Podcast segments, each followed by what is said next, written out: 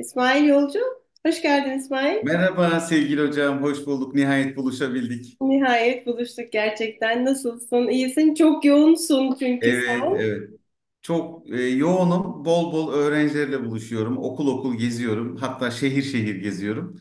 E, malum 2024 YKS ve LGS öncesi bize çok talep oluyor. Evet. E, minnacık hemen kendimden de bahsetmiş olayım. Ben İsmail Yolcu. E, yaklaşık 25 yıldan beri hep sahadayım. E, eğitim kurumları, devlet ya da özel e, ayrımı yapmaksızın. e, okullarda öğrencilerle, ailelerle özellikle anne babalarla buluşuyoruz. Ee, hem YKS'nin hem de LGS'nin aslında birazcık böyle kamera arkasını anlatıyoruz öğrencilere. Çünkü şöyle bir şey oluyor sevgili Belgin Hocam. Biz sabit duruyoruz ama önümüzden milyonlarca öğrenci her yıl geçiyor. Siz de aynı şeyi yaşıyorsunuz. Ee, öğrenciler hayatlarında bir kere tercih yapıyorlar. Ee, Ben bugüne kadar 100 bine yakın öğrenci ve aileyle buluştum. Ee, Onlara hem tercih sürecinde hem dönem başında e, okulların içerisinde, üniversitelerin içerisinde bol bol buluşarak aslında sınavların e, birazcık daha ulaşılabilir olduğunu, hedef belirleme, işte sınavların içerisi, önü ve özellikle sınavlardan sonraki tercih döneminde ne yapmaları gerektiği ya da aman ha sakın ha şunu yapmayın diyeceğimiz ne varsa paylaşıyoruz. Ee, Ankara'da e, Ankara Bilim Üniversitesi'nde eğitim kariyer uzmanı olarak görev yapıyorum. Onun dışında Ülke TV'de, TRT Haber'de e, program yapımcısıyım ve moderatörüyüm. Sizi de e, konuk almıştık. Çok keyifli bir program yapmıştık. Evet. Şimdi TRT'de yeni bir inşallah bir program daha başlayacak. Orada da yine bizim bütün odak noktamız ülkemizin evlatları, aydınlık yarınları. Hep ileriye dönük e, programlar hazırlıyoruz. Çok da keyif alıyoruz. O zaman ben e, yeniden teşekkür edeyim bu kadar yoğun bir zamanın da e, zaman ayırdığın için. Çünkü gerçekten sürekli bir koşturma içindesin. Ben de seni e, Instagram'dan, sosyal medyadan, Facebook hesaplarından takip ediyorum. Hep bir yerlerde eğitimde, çocuklarla buluşuyorsun. Ne kadar önemli ve zor bir iş yapıyorsun diye de düşünüyorum bir yandan. Çünkü e, işte üniversite sınavı öğrencilerin hayatını belirleyen, e, çok önemli bir sınav. E, sınavdan sonra yaptıkları tercih de daha da önemli bir süreç Kesinlikle öyle. aslında. Sen de bu süreç içinde devreye giriyorsun. Evet. Şimdi e, sana pek çok sorun var tabii. Bir e, anne olarak da sorun var. Gerçi biz o ki. aşamaları geçtik. Oğlum artık neredeyse bitirecek üniversiteyi. Ama biliyorum bir anne olarak da ne tür sıkıntıların yaşandığını biliyorum. İşte çocuklar açısından da biliyorum ve senin e, yönlendirdiğin çocuklar bize geliyorlar daha sonra. Şimdi sen şöyle bir cümleyle başladın. Hani önünüzden gelip geçiyor nesiller dedin. Ee, sondan başlayalım istersen. Tabii ki. Ne tür farklar görüyorsun bu gelip geçen nesiller arasında? Çünkü şu yüzden sormak istiyorum. İşte pek çok e, zor günler yaşadık, pandemi yaşadık, deprem yaşadık. İnanılmaz ciddi bir ekonomik kriz yaşıyoruz şu anda da. Ee, biz üniversiteye gelen gençlerde bir umutsuzluk, geleceğe dair bir umutsuzluk gözlemliyoruz. Ee, işte üniversiteyi bitirenlerin de ülkeyi terk ettiklerini de biraz da gözlemliyoruz. O yüzden biz de biraz üzülüyoruz, biz de biraz umutsuz oluyoruz. Sen e, hani karşılaştığın o binlerce öğrenci kitlesinde ve onların anne babalarında ve gittikçe artan bir umutsuzluk, bir kaygı düzeyi görüyor musun? Hocam e, aslında tek başına bu sorunuzla biz galiba saatlerce konuşabiliriz. Siz zaten e, hem anne hem de çok kıymetli bir akademisyen olarak e, cımbızladınız, fokusladınız şu anda. E, benim önüme bu konuyu koydunuz. Şimdi şöyle çok samimi konuşmayı çok severim. Televizyon programlarında da bu tip buluşmalarda da. Hocam insanlar tercih döneminde bize geliyorlar. Üç tip veli profili var. Tercihte tabii ki sadece özellikle vakıf üniversitelerinde aileler daha etkin. Devlet üniversitelerinde yine öğrenciler istediklerini alabiliyorlar. Hem üniversite bazında hem bölüm bazında. Üç tip aile şu şekilde ayrışmış durumda. Bir tanesi tıpkı benim gibi işte Ankara'da Mamak'ta bir gecekonda doğmuş bir e, insan var. E, bizim evde de tek bir kişi rahmetli babam çalışıyordu. Babamın da bütün motivasyonu şuydu. Aman oğlum işte hepiniz işinizi elinize alın, mesleğinizi eline elinize alın diyordu. Ve değişen bir şey yok. Yıl 2024 yine benim babam gibi, benim doğduğum evdeki aile e, formatındaki aileler hocam bize öyle bir bölüm seç ki ya da birlikte karar verelim ki bir 4 yıl sonra ya da tıpsa işte 6 yıl sonra mezun olduğunda hemen işi olsun. Herkesten daha fazla para kazansın. Devlette iş bulalım. Devlette bulamıyorsak da diploma özel sektörde de geçerli olsun. Tek fark hocam değiş geçen sürede çeyrek asırda artık bir de şu eklendi. Hocam bizim diploma Avrupa'da da geçerli olsun. Bunu çok net bir örnekten ve e, pekiştireyim hocam. Eskiden hemşirelik bölümü ya da sağlıkla ilgili bölümler daha çok iş garantisi için yapılırken şimdi tıpı mühendisliği saymıyorum bile. Artık hemşireliklerde bile öğrencilerin arka bahçedeki hedefleri Avrupa'ya gitmek. evet, Ee, bu eklendi. Birinci aile profili aynen böyle. Değişen bir şey yok. İş garantisi devlette, özelde olsun. Herkesten çok kazansın. İkinci aile türü e, Biz bölüm tercihi daha yapmaya başlarken, aileyi, öğrenciyi tanımaya başlarken şöyle bir şey oluyor. Bırakın aile o anki tercihi, o iki haftalık, 10-12 günlük süreyi diyor ki hocam biz önümüzdeki 15 yılı planladık. Hatta diyor yüksek lisansını işte İngiltere için, Almanya için, Hollanda için, Amerika için araştırdık. Bizim de orada işte yakınlarımız var ya da bütçemiz var. Biz akademik kariyer düşünüyoruz diyor. İkinci tip aile bu. Değişen hiçbir şey yok. Eskiden de böyleydi. Üçüncü tip aile de yine eskiden de vardı. Hocam diyor bizim önümüzdeki 100 yıl para kazanmaya ihtiyacımız yok. Paramız var. Bu da e, en kolay tercih oluyor zaten. Öğrenci sanat tarihi istiyorsa hemen birinci sıraya yazıyoruz. Oradaki amaç zaten para kazanmak değil, öğrencinin kendi keyif aldığı bir alanda kendini geliştirmesi. Şimdi değişen ne var peki öğrencilerde? Hocam öğrencilerde artık öğretmenlik gibi kutsal saydığımız bir mesleği emek harcanan bölümleri, meslekleri yazmak yok. Hemen bir bölüme girelim. Oradan biz hemen mezun olalım. Hatta öğrenciyken bile bir an önce sahada, piyasada iş bulalım ve yolumuza bakalım diyorlar. Ee, öğrencilerin sabrı kalmadı.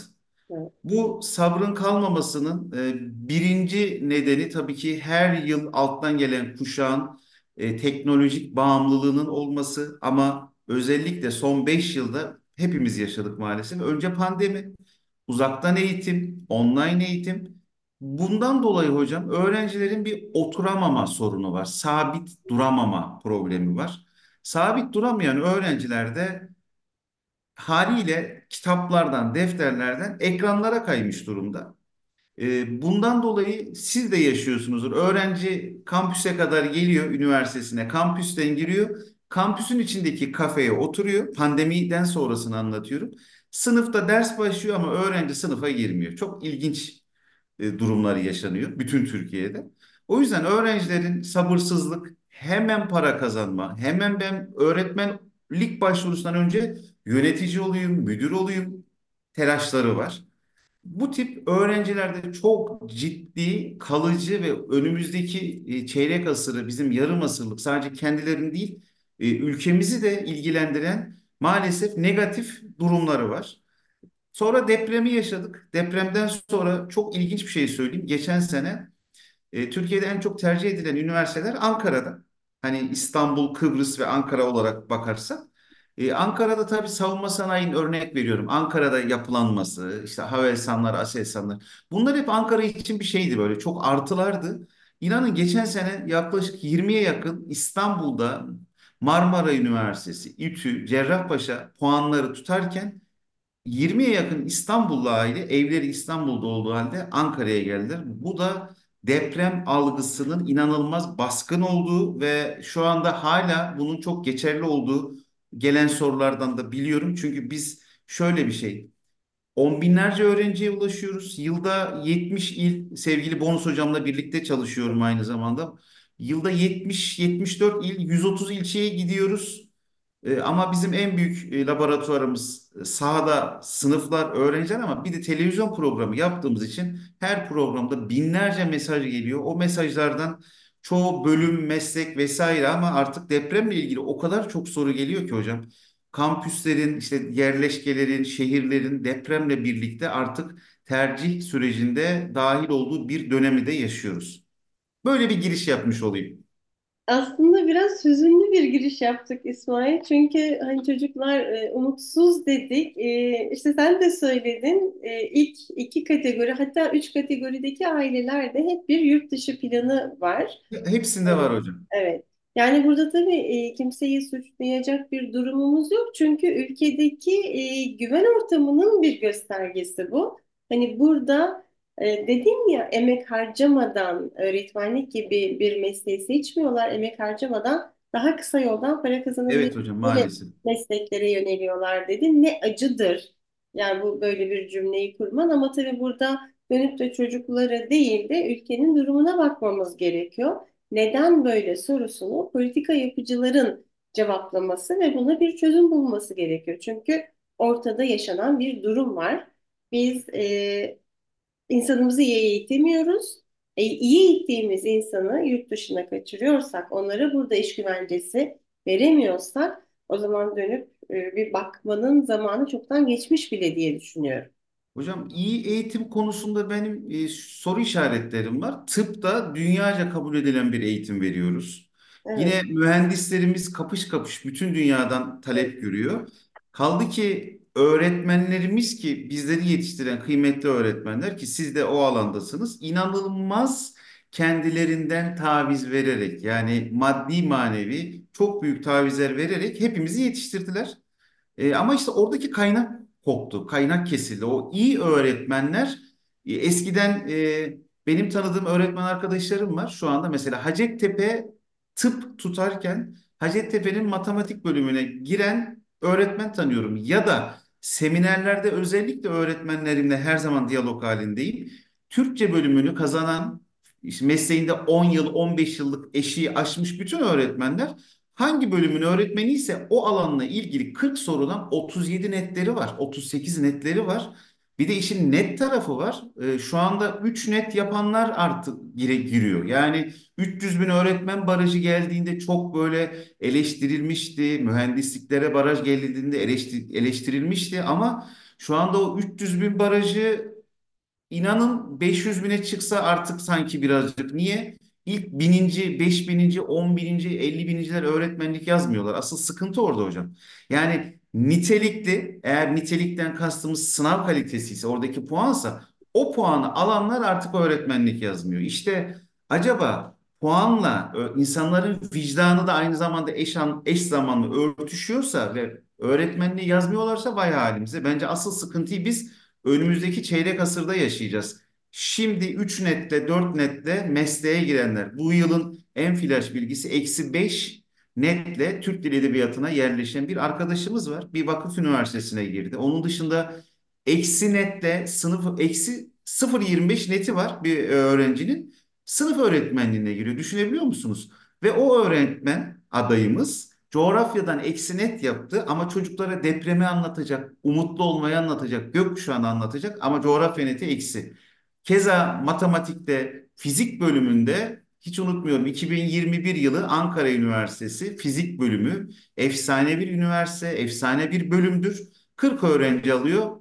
Ee, 40. öğrenci, yerleşen 40. öğrencinin fizik neti eksi bir. İşte günümüz gençliği şunu yapıyor. Acaba o öğrenci eksi bir fizik netiyle Ankara Üniversitesi fizik bölümüne içindeki fizik aşkından dolayı mı giriyor?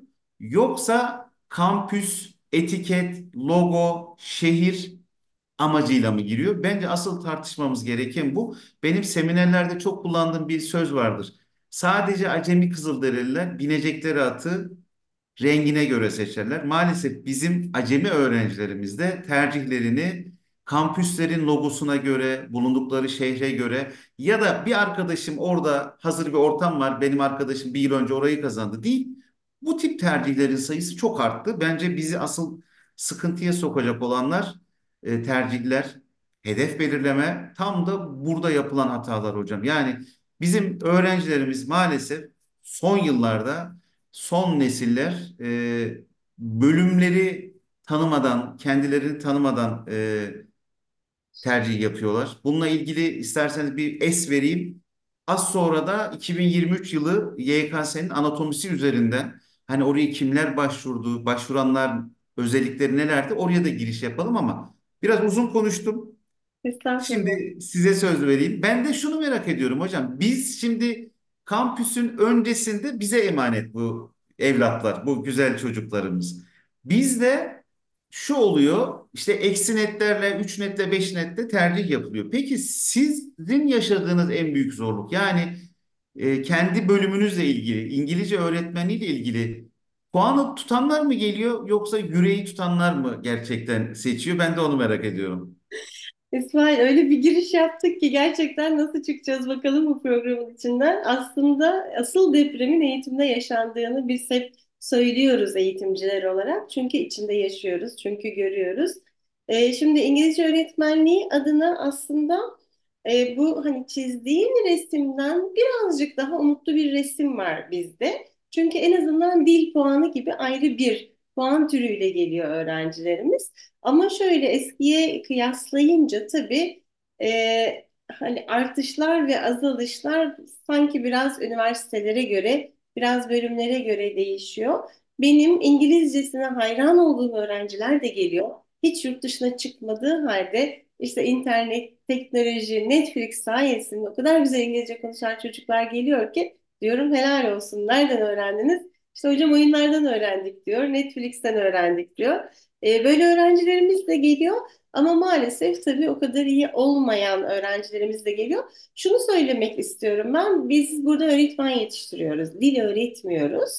E, o yüzden zaten dili bilerek gelmiş olmalarını bekliyoruz öğrencilerin ki bu dili nasıl öğreteceklerini biz onlara öğretebilelim. E, ama bundan önce aldıkları 12 yıllık eğitim sisteminde maalesef gramer bilgisini ve kelime bilgisini çok güzel alıyorlar. Okuya da biliyorlar bu çocuklar ama kendilerini sözlü ifade etmede oldukça sıkıntı yaşıyorlar.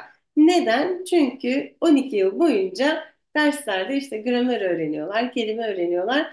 Konuşmaya, dinlemeye, yazmaya e, pek ağırlık vermiyorlar değil. Neredeyse bir kısmı hiç değinmiyorlar. Onları da burada öğreniyorlar. O yüzden bizim işimiz böyle dil öğretmek değil desek de biraz özellikle hani düşük puanla gelip düşük e, seviyede başlayanlara biraz dil öğretmeye de ya da onları birazcık zorlamaya da kayıyor. Çünkü öğretmen olacaklar. Yani dediğin gibi o kadar önemli bir meslek ki onlar kendileri çok yeterli olmalı ki çok iyi bir e, düzeyde öğretebilsinler. E, burada da bir de hazırlık e, sorunu var üniversitede. Evet, bütün üniversitelerde var hocam. Ee, Türkiye'nin sorunu zaten bu. Ee, sadece buranın sorunu değil. Ben hazırlıkta, yöneticilik de yaptığım için öbür boyutunu da biliyorum işin. Ee, orası çok acıklı bir senaryo aslında İsmail. Neden acıklı bir senaryo? Çünkü çocuklar işte atıyorum mesela mühendis olmak için geldi diyelim. İşte son derece iyi bir puan alıyor. Geliyor diyoruz ki biz onlara bir dakika sen mühendis olacaksın ama önce iyi derecede İngilizce öğren. Tabii İngilizce eğitim yapan bir üniversiteye geldiyse. Bütün üniversitelerde durum böyle değil. Ee, eğer düşük seviyede başladıysa öğrenciler işte iki yıl maksimum hazırlık eğitimi alma süreleri var. Ee, burada da çalışma becerilerini edinmeyen öğrenciler şöyle düşünebiliyor. Üniversiteye girdim ben artık tamam. Çok sıkı bir tempodan geçtim. Üniversite sınavı çok zorlu bir süreçti. Hazırlıkta ben biraz yatayım, ben biraz dinleneyim gibi bir bakış açısıyla geliyorsa işte o zaman bütün sıkıntılar başlıyor. Çünkü hazırlık eğitimi dediğimiz yoğun dil öğretme eğitimi aslında çok zorlu bir süreç.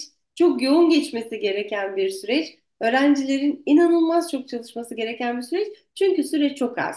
Ve bizim beklentimiz onlardan oldukça yüksek. Diyoruz ki sen bundan sonraki 4 yıllık eğitimini İngilizce takip edeceksin. O yüzden iyi bir derecede İngilizce bilmen gerekiyor. Ee, hazırlıktan ayrılan öğrenci sayısı bayağı çok oluyor. Çok, evet. Çok oluyor. Yani e, işte üniversitelerin beklentilerine göre değişiyor bu. Ee, iyi derecede İngilizce seviyesi olması gereken ve o kadar iyi düzeyi yakalayamayan öğrenciler e, eğitimlerine Türkçe devam etmek tercihinde ya da zorunda kalabiliyorlar. Dedim ki ne Şimdi kadar çok konuştum. evet. Ee, Şimdi Ben şu buyur. o hazırlıktan bırakma ile ilgili şöyle bir giriş yapayım hocam.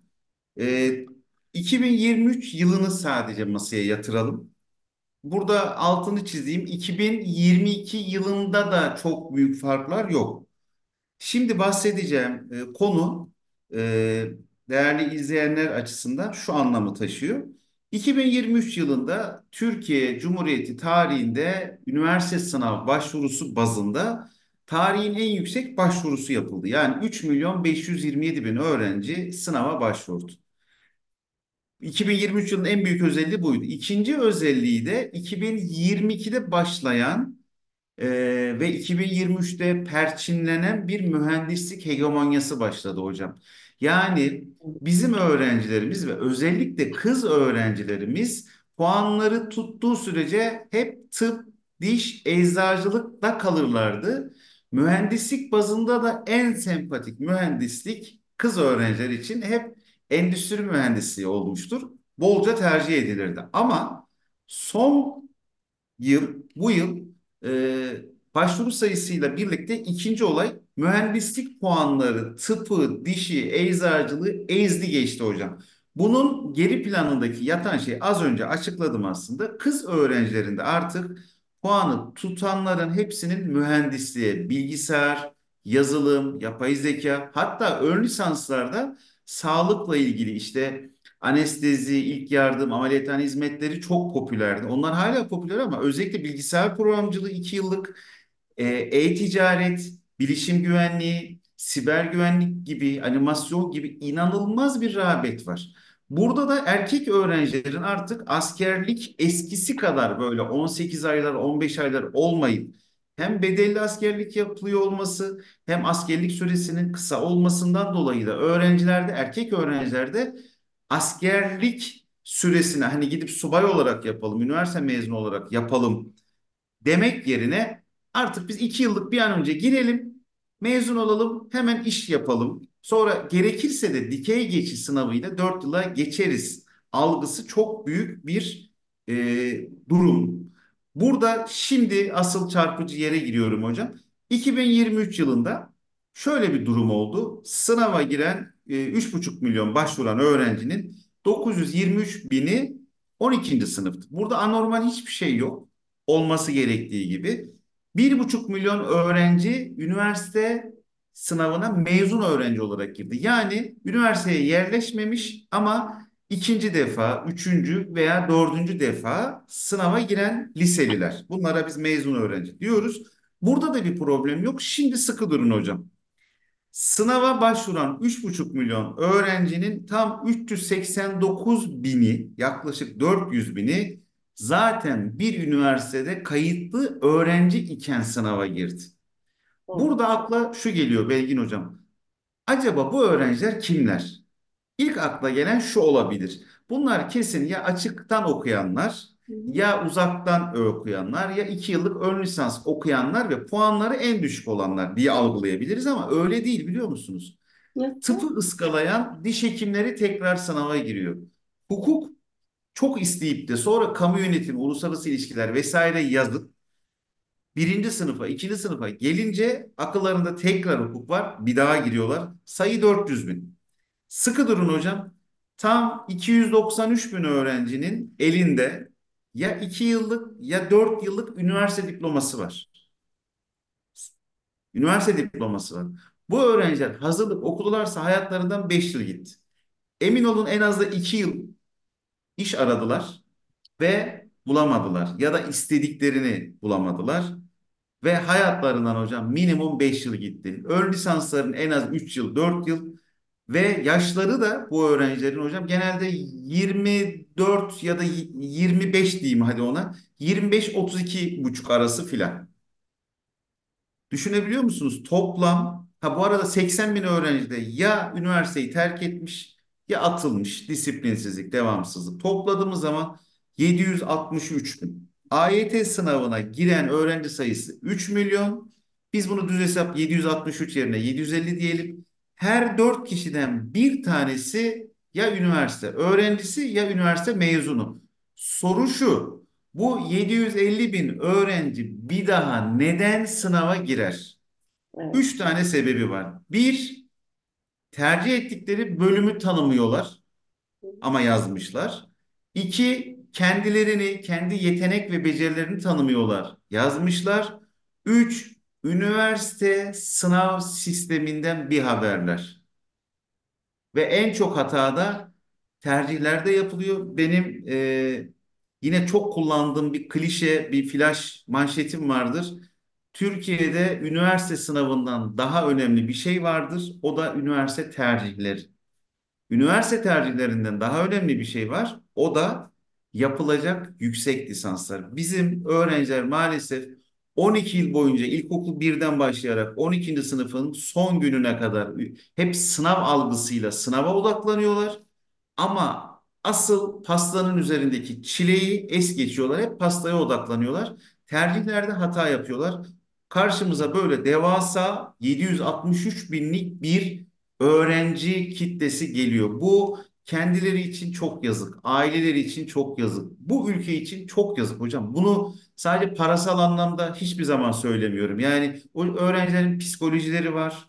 Hani ülkenin kaynağı, ailenin kaynağı o farklı bir konu. O bence bambaşka bir konu ama buradaki 763 bin öğrenci sınava girmenin dışında bir kariyer planlaması, doğru hedef belirleme, hedefi de lise dokuzdayken, ortaokuldayken belirlemek de lazım aslında. Ona göre de alan seçimi yapmak lazım. Siz de biliyorsunuz onuncu sınıftan e, lisede alan seçim var.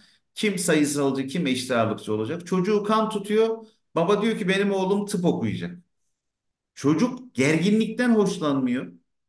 Ama anne diyor ki benim çocuğum hukuk isteyecek diyor. Eşit ağırlığa gönderiyor. Oysa çocuk sözelci. Ya da çocuk sayısalcı değil.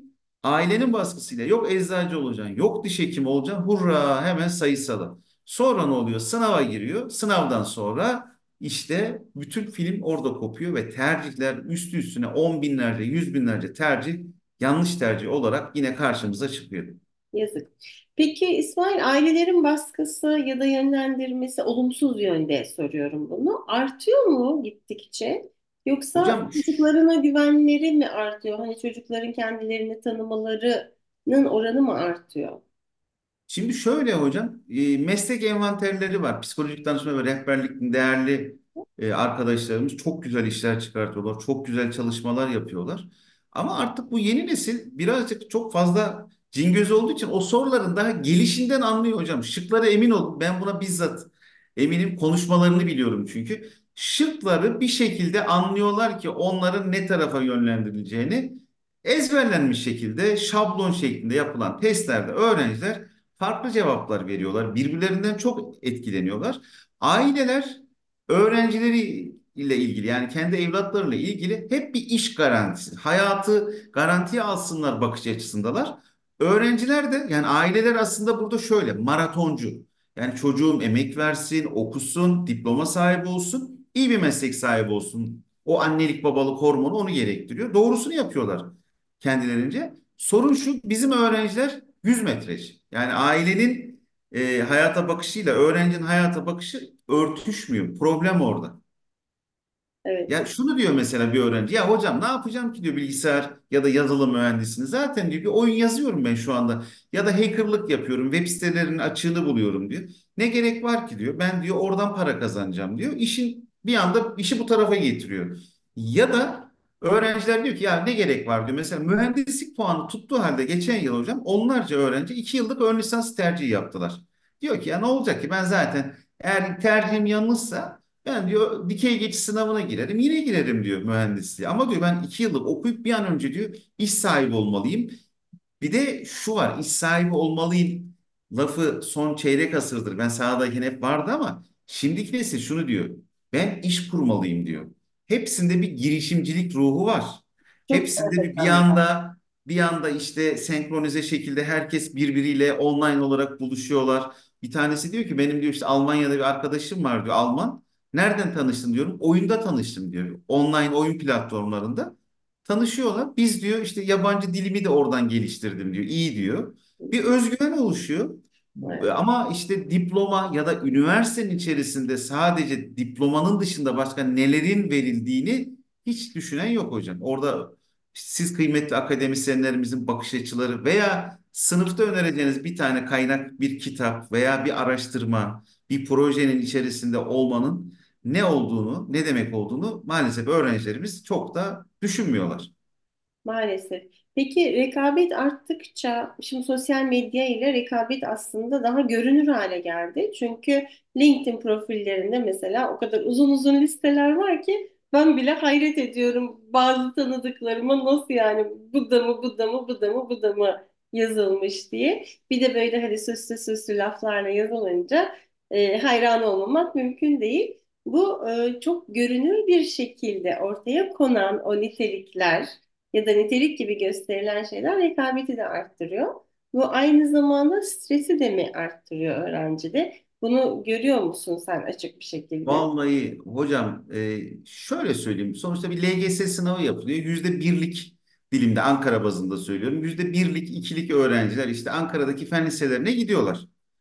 E, stres konusu bu fen lisesinde ya da yüzde onluk dilimde bile olsa hayatını sadece o yola adamış, bu üniversite ve diplomaya odaklamış öğrenciler gerçekten de stres olabiliyorlar. Ama stres yüzünden hani kolay kolay sınavların kaybedildiğini ben çok inanmıyorum. Hani işin sağlıkla ilgili hormonsal kısmı benim alanım değil, oraya girmiyorum. Ama bizde stres olan taraf öğrenciden daha çok anne babalar. Ve onların stres oluyor olması öğrenciler üzerinde e, kuracakları o baskının bazen dozunu arttırıyor, bazen hangi anne baba şimdi eğitimci ya da yani eğitimci olmak zorunda değil. Bütün anne babalar annedir ya da babadır. Yani Evet, o orasına geçemiyor. Kaldı ki laf vardır ya işte mum dibine ışık vermez. Benim e, yüzlerce öğretmen arkadaşım da bana bir şey danışıyor. Yeri geliyor ben bir başkasına bir şey danışıyorum. İnsan kendi evladıyla ilgili eğitimci bile olsa evet, bazen kilitleniyor hocam. Bir çözüm üretemiyor. Ama bizim anne babalar memur, işçi, bina görevlisi, şoför herkesin bir işi var. Herkesin buluştuğu tek nokta herkes kendi evladını en iyi yerde görmek istiyor. O orada da fen lisesine gitmeli yoksa dünyanın sonu. ODTÜ'yü kazanmalı, tıpı kazanmalı yoksa mahvolduk, bittik, biz sana emek verdik. İş oraya girdiği zaman da zaten çatışmalar başlıyor. Ama şimdiki nesil ne yapıp edip hocam yine kendi dediğini yaptırıyor. Şu anda o yüzde gittikçe öğrencilerden yana kaydı. Yani anne babalar ortam sağlıyorlar, bütçe ayırıyorlar. Ama öğrenciler öğretmeni yok sayıp diyor ki ne gerek var diyor. Benim kursa gitmiyorum, gitmeyeceğim diyor. Diyor ki ben YouTube'dan öğreneceğim. Veya diyor ki ben diyor işte açık lise vardı geçen seneye kadar. Açık lisede yüz binler, milyonlar açık lisedeydi hocam. Evet. Aslında A- burada da e, eğitimin formatını sorgulamamızın yerinin ve zamanının geldiğinin bir göstergesi. Yani artık çocukları sınıflara sokup sıralara oturtup sabahtan akşama kadar birisinin onlara konu aktardığı eğitim modellerinin daha fazla işe yaramadığı, günümüzde de yaramadığı, ileride hiç yaramayacağı çok net bir şekilde ortada. Çünkü dediğin gibi işte o bizim belki 90 dakikada anlattığımız bir konuyu YouTube'da çocuklar 8 dakikada, 9 dakikada örnekleriyle, görselleriyle çok da güzel öğrenebiliyorlar. Buradan hocam ama orada orada bir soru işaretim var benim. İşte öğrenmiyorlar kanaatindeyim ben. Şimdi 12 yıllık okul hayatının sonunda bütün e, iş dönüp dolaşıp o sınav okulları basıyor hocam. Sınav hep üstte. Hem ortaokuldaki LGS sınavında hem üniversitedeki o YKS bütün sistemin üzerinde şu anda. Bunun altında okullar var. Ee, okullar ne oldu? Çeşitlendi. Özel okullar var, kurslar var, özel dersler var. Online artık uzaktan e, bir sürü şey var. İşte öğretme yöntemlerini iddiasında bulunan şeyler var. E, icatlar çıktı. Ama e, öğrenciler şunu yapıyorlar hocam izliyorlar. Hani böyle biz e, izleyerek bir şey öğrenen bir toplum değiliz. Eğer öyle olsaydı bizim milli takım dünyada bu kadar başarısı olmaz. Sabah akşam maç izleyen bir toplumun e, herkes bir kere futbolu çok iyi oynardı ama oynayamıyoruz.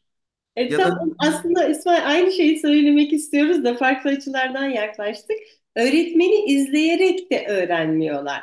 Yani orada ha YouTube'u izlemiş ha öğretmeni izlemiş. Orada deneyim yaşayabilecekleri ortamları yaratmamız gerekiyor sınıflarda demek istiyorum ben de zaten. Çünkü öğretmenin tek başına aktif olduğu ve bilgi aktarmaya çalıştığı eğitim modellerinin daha fazla işe yaramayacağını söylüyorum. E, tam olarak aynı şeyi söylüyoruz Ay evet. Şöyle bir şey yapılabilir. Bence artık e, mesela konunun içerisinden ben şunu söylemek isterim. Hani gençlerin sabırsızlığı artık bir sabit oturamamaları 40 dakika. Pandemide de depremde bunun üstüne tuz biber ekti. Bence sanki lise 4 yıl çok uzun hocam bu nesle göre. Çünkü parmak hep böyle biz de öyle olduk. Instagram'da, YouTube'da, Twitter'da habire bir şeyleri kaydırıyoruz. Biz bile sıkılıyoruz. Bazı şeyleri çok uzun izlemekten sıkılıyoruz. Hele de bu nesil Hazır böyle bir nesil elimizdeyken de bence 4 yılda çok böyle yoğun haftanın 5 günü hani 3 yılda 4 yıla çıktı. Bence neden 3 yıl olmasın? Bir de buradaki en büyük hata bana göre hocam yılın son günü karneler alınıyor. Mezuniyet balosu, resimler çekiliyor. Herkes bir böyle fresh ortam rahatlıyorlar. Bir hafta sonra sınav var. Sınavın bence yeri de değişmeli. Yani lisenin e, mezuniyet balosundan, partisinden, kepler havaya atıldıktan sonra sınava girilmemeli. Dokuzuncu sınıftan itibaren şu anda aslında Milli Eğitim Bakanlığı da o yönde ortak sınavlarla bunun da önünü açıyor. E, bence her yıl bir sınav olmalı. O sınavlarla en azından insanlar tıpı okuyamayacağını, hukuku okuyamayacağını daha ilk sınavda anlayıp ona göre yönünü çizmeli. Aileler de orada oturup bir eğitim konuşmalı. Sadece tercih döneminde eğitim konuşuyor olmak, üniversite konuşuyor olmak, tercih, meslek konuşuyor olmak kayıp. Artık geriye dönüş de yok. Ee, bence asıl sıkıntımız bizim işin en sonunda eğitim konuşuyor oluyoruz. Bence o çok büyük bir handikap. Aslında eğitimle ilgili o kadar çok sıkıntımız var ki İsmail. Yani e, üniversite giriş sınavları en görünür e, düzeyde tartışılan sorunlardan birisi. İşte büyük kitleler halinde bu sınavlara girdikleri için orada istatistik yapmanın, veri toplamanın daha kolay olduğu için bunu daha net tartışabiliyoruz ama aslında sistemin en başından en sonuna kadar e, işte her yerinde delikler var, deprem yaşanıyor demiştik ya. Evet hocam. eğitim sistemini oturup yeni baştan tasarlamamız gerekiyor. Hem öğrencileri o işte sınıflarda oturtun ne yaptığımızda oturtmamız mı gerekiyor? O kadar çok süre mi oturtmamız gerekiyor? O kadar uzun yıllar mı oturtmamız gerekiyor? Hiç oturtmamamız gerekiyor aslında. Yani bütün bu tasarımı yeni baştan yapmak gerekiyor ki üniversite sınavı da insanların hayatını belirleyen, birkaç saat hayatını belirleyen bu kadar önemli bir etken haline gelmesin. Biz mesela hep teknolojiyi konuştuk. Programın başından beri teknolojiyi konuştuk, bağımlılık konuştuk. Öğrenciler sabit duramıyorlar, oturamıyorlar dedik. İlgileri, dikkatleri dağınık dedik. Ama şu anda Milli Eğitim Bakanlığı'nın e, yeni müfredatında önümüzdeki yıl birinci, beşinci ve dokuzuncu sınıfta hocam e, artık açık uçlu sorular gelecek. Ve iş bundan 5 yıl öncesine kadar gidiyoruz. YÖK Başkanı Sayın Yekta Saraç hocam bizi davet etti. Bu yeni nesil soru dediğimiz ya da gerçek adı beceri temelli sorular olan biliyorsunuz sorular 3 satırdan 4 satırdan 14 satıra 18 satıra 22 satıra çıktı. Aslında teknoloji, bilgisayar hep böyle hayatın içine girdi ama sınavla ilgili şöyle bir gelişme yaşandı hem YÖK nezdinde hem Milli Eğitim Bakanlığı nezdinde iş dönüp dolaşıp kitaba geldi hocam. Şu anda öğrenciler bunun farkında değil. Çok kitap okuyan, okuduğunu en hızlı anlayan, okuduğunu en güzel yorumlayanların başarılı olduğu bir sınav modeline döndük biz. Biz teknolojiyi konuşa duralım ama çok doğru bir dokunuş yaptı Yekta Hoca. Okuduğunu anlayan, en çok anlayan ve en iyi yorumlayanlar hukukçu olsun, mühendis olsun, tıp okusunlar dendi. Çünkü nüfus belli. 85 milyon. Kontenjan belli. Nasıl olsa birileri girecek, yerleşecek ama en iyiler girsin, yerleşsin diye bu soru e, satırları, kelimeleri arttı. Ama önümüzdeki hafta Milli Eğitim Bakanlığı orada el yükseltti. Dedi ki artık açık uçlu sorular geliyor. Test çözen, optik karalayan bir neslin yavaş yavaş da sonuna geliyoruz. Tabii Bunun için de döndük dolaştık yine kitap okumaya. İşte bizim neslin en çok ıskaladığı hani Herkes eleştiriyor, hızlı konuşuyorlar, o oluyor saygısız. Ben işin hiçbir zaman orasında olmadım. Ben yeni nesildeki en yüreğimi acıtan taraf okumama. Okumama. Yani okumuyorlar hocam. Bakıyorlar, dokunuyorlar. Bazen işlerine gelirse like'lıyorlar, işlerine gelmez dislike yapıyorlar. Seyirciyiz. Yani olayın içine giren o Homo sapiens düşünen e, insan modeli, yapan insan modeli Homo videns'e evrildi. Artık sadece bakıyoruz ve harekete geçmiyoruz. Maalesef, maalesef İsmail. İşte e, eğitimin amacının ne olduğuna, nasıl insan yetiştirmek istediğimize, nasıl bir toplum yaratmak istediğimize yönelik soruları daha temele gidip e, cevaplamamız gerekiyor burada e, yeni baştan. Yoksa hani sınavı tartışıyoruz, bizde daha önemli, daha ciddi sorunlarımız var aslında. tabii şu aslında az önce konuştuğumuz her şey çıkış noktamız Evet, sınav ama evet, sonucu sınav olmayan şey. En başta da çıkış noktamız bizim yani varış noktamız sınavdı. Tersini konuşuyoruz. İş yine kitap okumaya geldi. Kitap evet, okuyanlar avantajlı olacak. evet? E, kitap satış oranı dünyada en çok ülkelerden birisiyiz. Ama soru bankası satılıyor bizde. Yani problem orada. Üniversiteye hazırlık, LGS, liselere giriş sınavının hazırlık kitapları milyonlar satıyor. Ama diğer türlü evde kütüphane oranı nedir? Oradaki kitap sayısı nedir? İşte o asıl üzerinde durmamız gereken e, kitapla ilgili konu da orası. O zaman e, şimdi bu sorunları neresinden tutsak e, her biri ayrı bir program konusu, tartışma konusu. E, bu yıl sınava girecek öğrencilere ne diyelim biz? Yani hani uzun vadede amacımız hiçbir zaman sınav olmamalı. Dedik ya uzun vadede yine kazanacak olan e, temel değerlerimiz var bizim. İşte iletişim becerilerimiz var. İnsanlarla bir arada çalışabilme becerilerimiz var e, pek çok becerimiz var. Yani yine öğretmen olursunuz, mühendis olursunuz, doktor olursunuz ama bu temel becerileri geliştiremezseniz hayatta yine başarılı olamazsınız, yine mutlu olamazsınız. Yine para kazansanız da bunun tadını çıkarttığınız bir hayat yaşayamazsınız. O yüzden bu temel değerlerden vazgeçmeyelim. Elbette anne babalara da bunu söyleyelim herhalde değil mi? Sen neler e, söyle, Ben şimdi çok ilginç çok ilginç bir örnek vereyim hocam. Ben Ankara Ticaret Lisesi mezunuyum. Hemen Numune Hastanesi'nin tam çaprazında. Dokuzuncu sınıfta bizim bir dersimiz vardı. Sıkı durun hocam. Dersin adına dikkat edin lütfen. Beşeri münasebetler. Evet, evet, Biz beşeri münasebetler dersi aldık, kitabını okuduk ve ne ilginçtir ki benim bütün hayatım hep ora, o kitap üzerinden şekillendi. Döndüm, dolaştım, ekmek paramı hep iletişim üzerinden kazanıyorum. Döndüm, dolaştım, eğitim sektöründeyim. evet, Ee, çok yıllar önce e, bu sektöre girdim. Eğitimin birinci basamağı iletişim ve diğer bütün mesleklerin asla ve asla kaybolmayacak birinci özelliği hep iletişim. İletişim temelli bir e, birey yetiştirme modeli çok ön plana çıkıyor. Ama yine cep telefonları, bilgisayarlar insanları hep tekilleştiriyor. Yani orada online oyun oynarken ki konuşulan konuşmaları ben iletişim olarak saymıyorum. Ama günlük hayatta işte asansördeyken merhaba demeyle başlayan, trafikte yol vermeyle başlayan veya sonuçlanan her türlü eylemin kaynağı iletişim bizim öğrencilerimizi ders kitaplarının dışında iletişim becerileriyle buluşması çok önemli.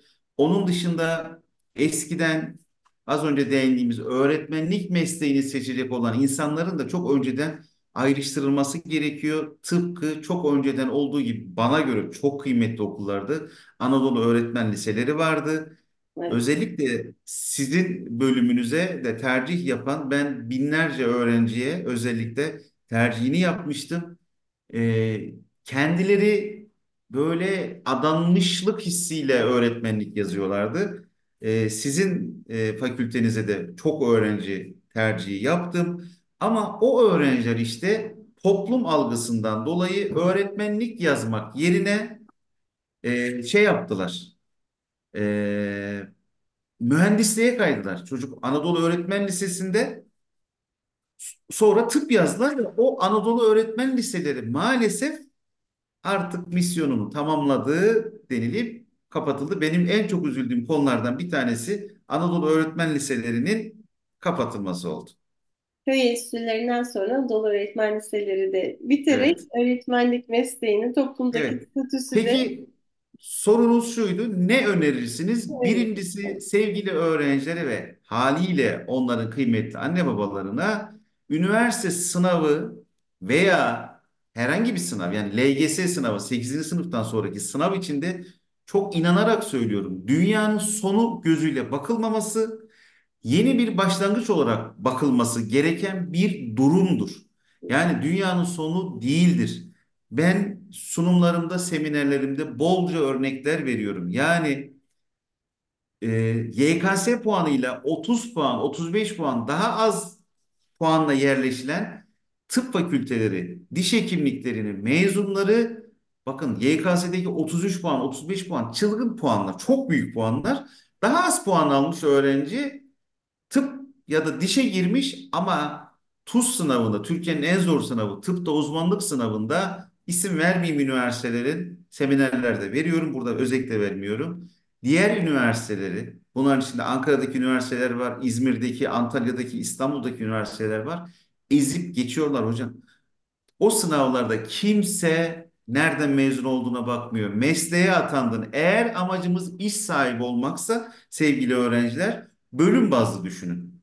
Yani Ankara'da hukuk tutmuyor ama Kırıkkale'ye gidince tutuyor. Öğrenci ne yapıyor? Kırıkkale'ye gidip hukuk okumak yerine Ankara'da kamu yönetimi okuyor. Siyaset bilimi okuyor. Sonra dönüp dolaşıp hukuk için bir daha sınava giriyor. Tıp Ankara'yı ıskalayınca şehir dışında tıp Geliyor ama ilk akla geleni yapıyorlar. Hemen diş hekimliği yazıyorlar. Lütfen seçeceğiniz bölümleri sınava ya da sınavdan sonrasına bırakmayın. Şimdiden muhakkak bölümlerle ilgili araştırmalar yapın. Hem size bir motivasyon olur. Burada çok e, bana göre komik bir şey ama aslında bizi anlatıyor. Bizim ülkemizi anlatıyor. Tek öğrencilerden e, ricam o işi yapana sormayın. Hani bir eczacıya gidip de tavsiye eder misiniz deyince biz maalesef o işi yapanlar hep kötülüyoruz. Sakın ha aman bu iş yapılır mı, bu meslek yapılır mı deniliyor. Ama o cümleyi kuran herkesin bir üç yazılı, üç arabası, üç evi var nedense. Ve onlar tavsiye etmiyorlar. Ee, bir de sınav üç buçuk milyon kişinin başvurduğu ama asla üç buçuk milyon kişinin yarışmadığı bir sınav sevgili öğrenciler. Seçtiğiniz, tercih ettiğiniz bölümleri Belki inanmayacaksınız ama 5000 kişi 6000 kişi tercih ediyor. Yani 3,5 milyon kişi başvuran kişi sayısı ama tercihlerinizde yarıştığınız kişi sayısı 5000. Hatta bazı Anadolu'da özellikle bazı bölümler, eşit ağırlık bölümler, ön lisans bölümleri inanmayacaksınız ama 300 kişi, 500 kişi tercih ediyor. Hemen bir örnek vereyim. Ee, mesela sizin alanla ilgili hocam Gazi Üniversitesi İngilizce öğretmenliğini ee, geçen sene dilden başvuran öğrenci sayısı 398 bin öğrenci. Tarihteki en yüksek rakamdı. 2022 yılında 400 bin öğrenci içinden 2445 kişi. Geçen sene de 3337 kişi yazdı. Sevgili öğrencilere soruyorum. Allah aşkına yani sınava başvuran dil öğrencisi 400 bin, Gazi İngilizce öğretmenliği ki oldukça eğitim fakültesi biliyorsunuz çok popülerdir, çokça tercih edilir. Kişi sayısı tercih eden 3300. Hacettepe Üniversitesi PDR. Sınava giren milyondan fazla eşit ağırlıkçı var. Başvuran kişi sayısı 3,5 milyon ve Hacettepe PDR'yi hocam sıkı durun 1300 kişi yazmış. Bütün çıkış noktaları bu olsun. Yani bir, hedefinize odaklanın. İki, süreç oldukça uzun soluklu bir süreç. Bir maraton. Biz ne yapıyoruz? Mart'tan sonra, Nisan'dan sonra vazgeçiyoruz.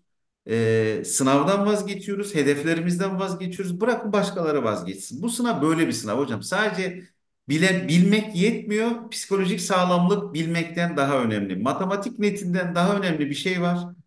İletişimle ilgili az önce tamamlamış olayım. Bir matematik netinden veya üç tane Türkçe netinden daha önemli bir şey var arkadaşlar. Sınav akşamı kendi kendinizle kuracağınız doğru iletişim. Sınav sabahı kahvaltı sofrasında ailenizle o kahvaltı sofrasını da yapacağınız iletişim. Onu alın, sınavın içindeki gözetmenle kuracağınız iletişime kadar taşıyın. İletişim, iletişim, iletişim. Eğer bir öğrencinin iletişimi doğru kurgulanamıyorsa 3 net, 2 net fazladan matematik yapsa bile sınavı asla başaramaz. Çok iyi biliyorsunuz hocam. TYT sınavı cumartesi yapılıyor, AYT sınavı pazar günü yapılıyor. Bunu öğrencilerle konuşuyorum. Yani cumartesi günü sınava girdik, istediğimiz gibi geçmedi diyorum. Ne yaparsınız diyorum ki onlardan önceki milyonları biliyorum. Hocam cumartesi günü sınavı kötü geçen her öğrenci sınavı bile bırakıp ikinci gün girmeyenler mi ararsınız? Ya da hep kronik cümleleri şu. Zaten kazanamayacağım bugünden belli oldu ve o motivasyonla sınava giriyorlar. İşin daha da dramatik tarafı peki diyorum sınavınız iyi geçse ne olur? Emin olun orada da şunu diyorlar hocam. Bu sefer de panik diyorlar. Ya yarın uyanamazsam, ya elim burkulursa, ya sınavı kaçırırsam, ya kimliğimi unutursam. Biz dedim ya toplum olarak hep negatif cümleler kuran bir toplumuz maalesef. O yüzden e, iletişimin hep içinde olun ama sınava yaklaştıkça özellikle son bir hafta, iki hafta birazcık daha çok e, konuyla, komşuyla, akrabayla da diyalogları kesip kitaplarına, öğretmenlerine, kendi aile içindeki iletişime odaklansınlar ve vazgeçmesinler. Ben bunu söylüyorum hocam. Vazgeçmeyenlerin kazandığı bir sınav modeli YKS. Sadece sınav değil, hayat öyle değil İsmail. Vazgeçmeyenlerin Onu başka bir programda konuşuruz diye bilerek oraya girmedim. Yoksa bizde söz çok bitmez biliyorsunuz. bitmez bitmez gerçekten konuşulacak çok şey var. Çok teşekkür ederim. Yani çok güzel bir Aa, ben teşekkür ederim hocam. Ee, aldım. eminim Güzel oldu. Öğrencilere de, velilere de, eğitimcilere de e, çıkacak çok iyi ipuçları var burada yol gösterecek çok e, sözler var. Çok sağ ol. Yoğun bir zaman diliminde zaman. Estağfurullah. Gerçekten yoğun bir günün içinde güzel bir buluşma oldu. Bütün öğrencilerimize başarılar diliyorum. Bütün anne babalara önce sabır diliyorum. Ama unutmayın efendim, sizlerin salgıladığı hormonlar gök tarafından, ÖSYM tarafından hiç önemsenmiyor. Onlar kutuların içinde, optiklerin içinde yok. O yüzden öğrencilerinizi, evlatlarınızı anlamaya çalışın. Son sözüm de bütün kıymetli öğretmen dostlarıma, psikolojik danışma ve rehberlik, psikoloji bölümü e, öğretmenlerimize, hocalarımıza da kolaylıklar diliyorum. Müthiş çalışıyorlar, müthiş işler çıkartıyorlar. E, onları çok seviyoruz. İyi ki varlar diyorum. Size de çok teşekkür ederim. Başka bir programda inşallah tekrar buluşmak dileğiyle. Allah çok teşekkürler. Hiçbir şey sizden daha önemli değil diyerek ben de son sözlerimi söylemiş olayım ve izninle kaydı durdurayım. Tabii Görüşmek ki hocam. üzere. Teşekkürler. Hoşça kalın. Hoşça kal.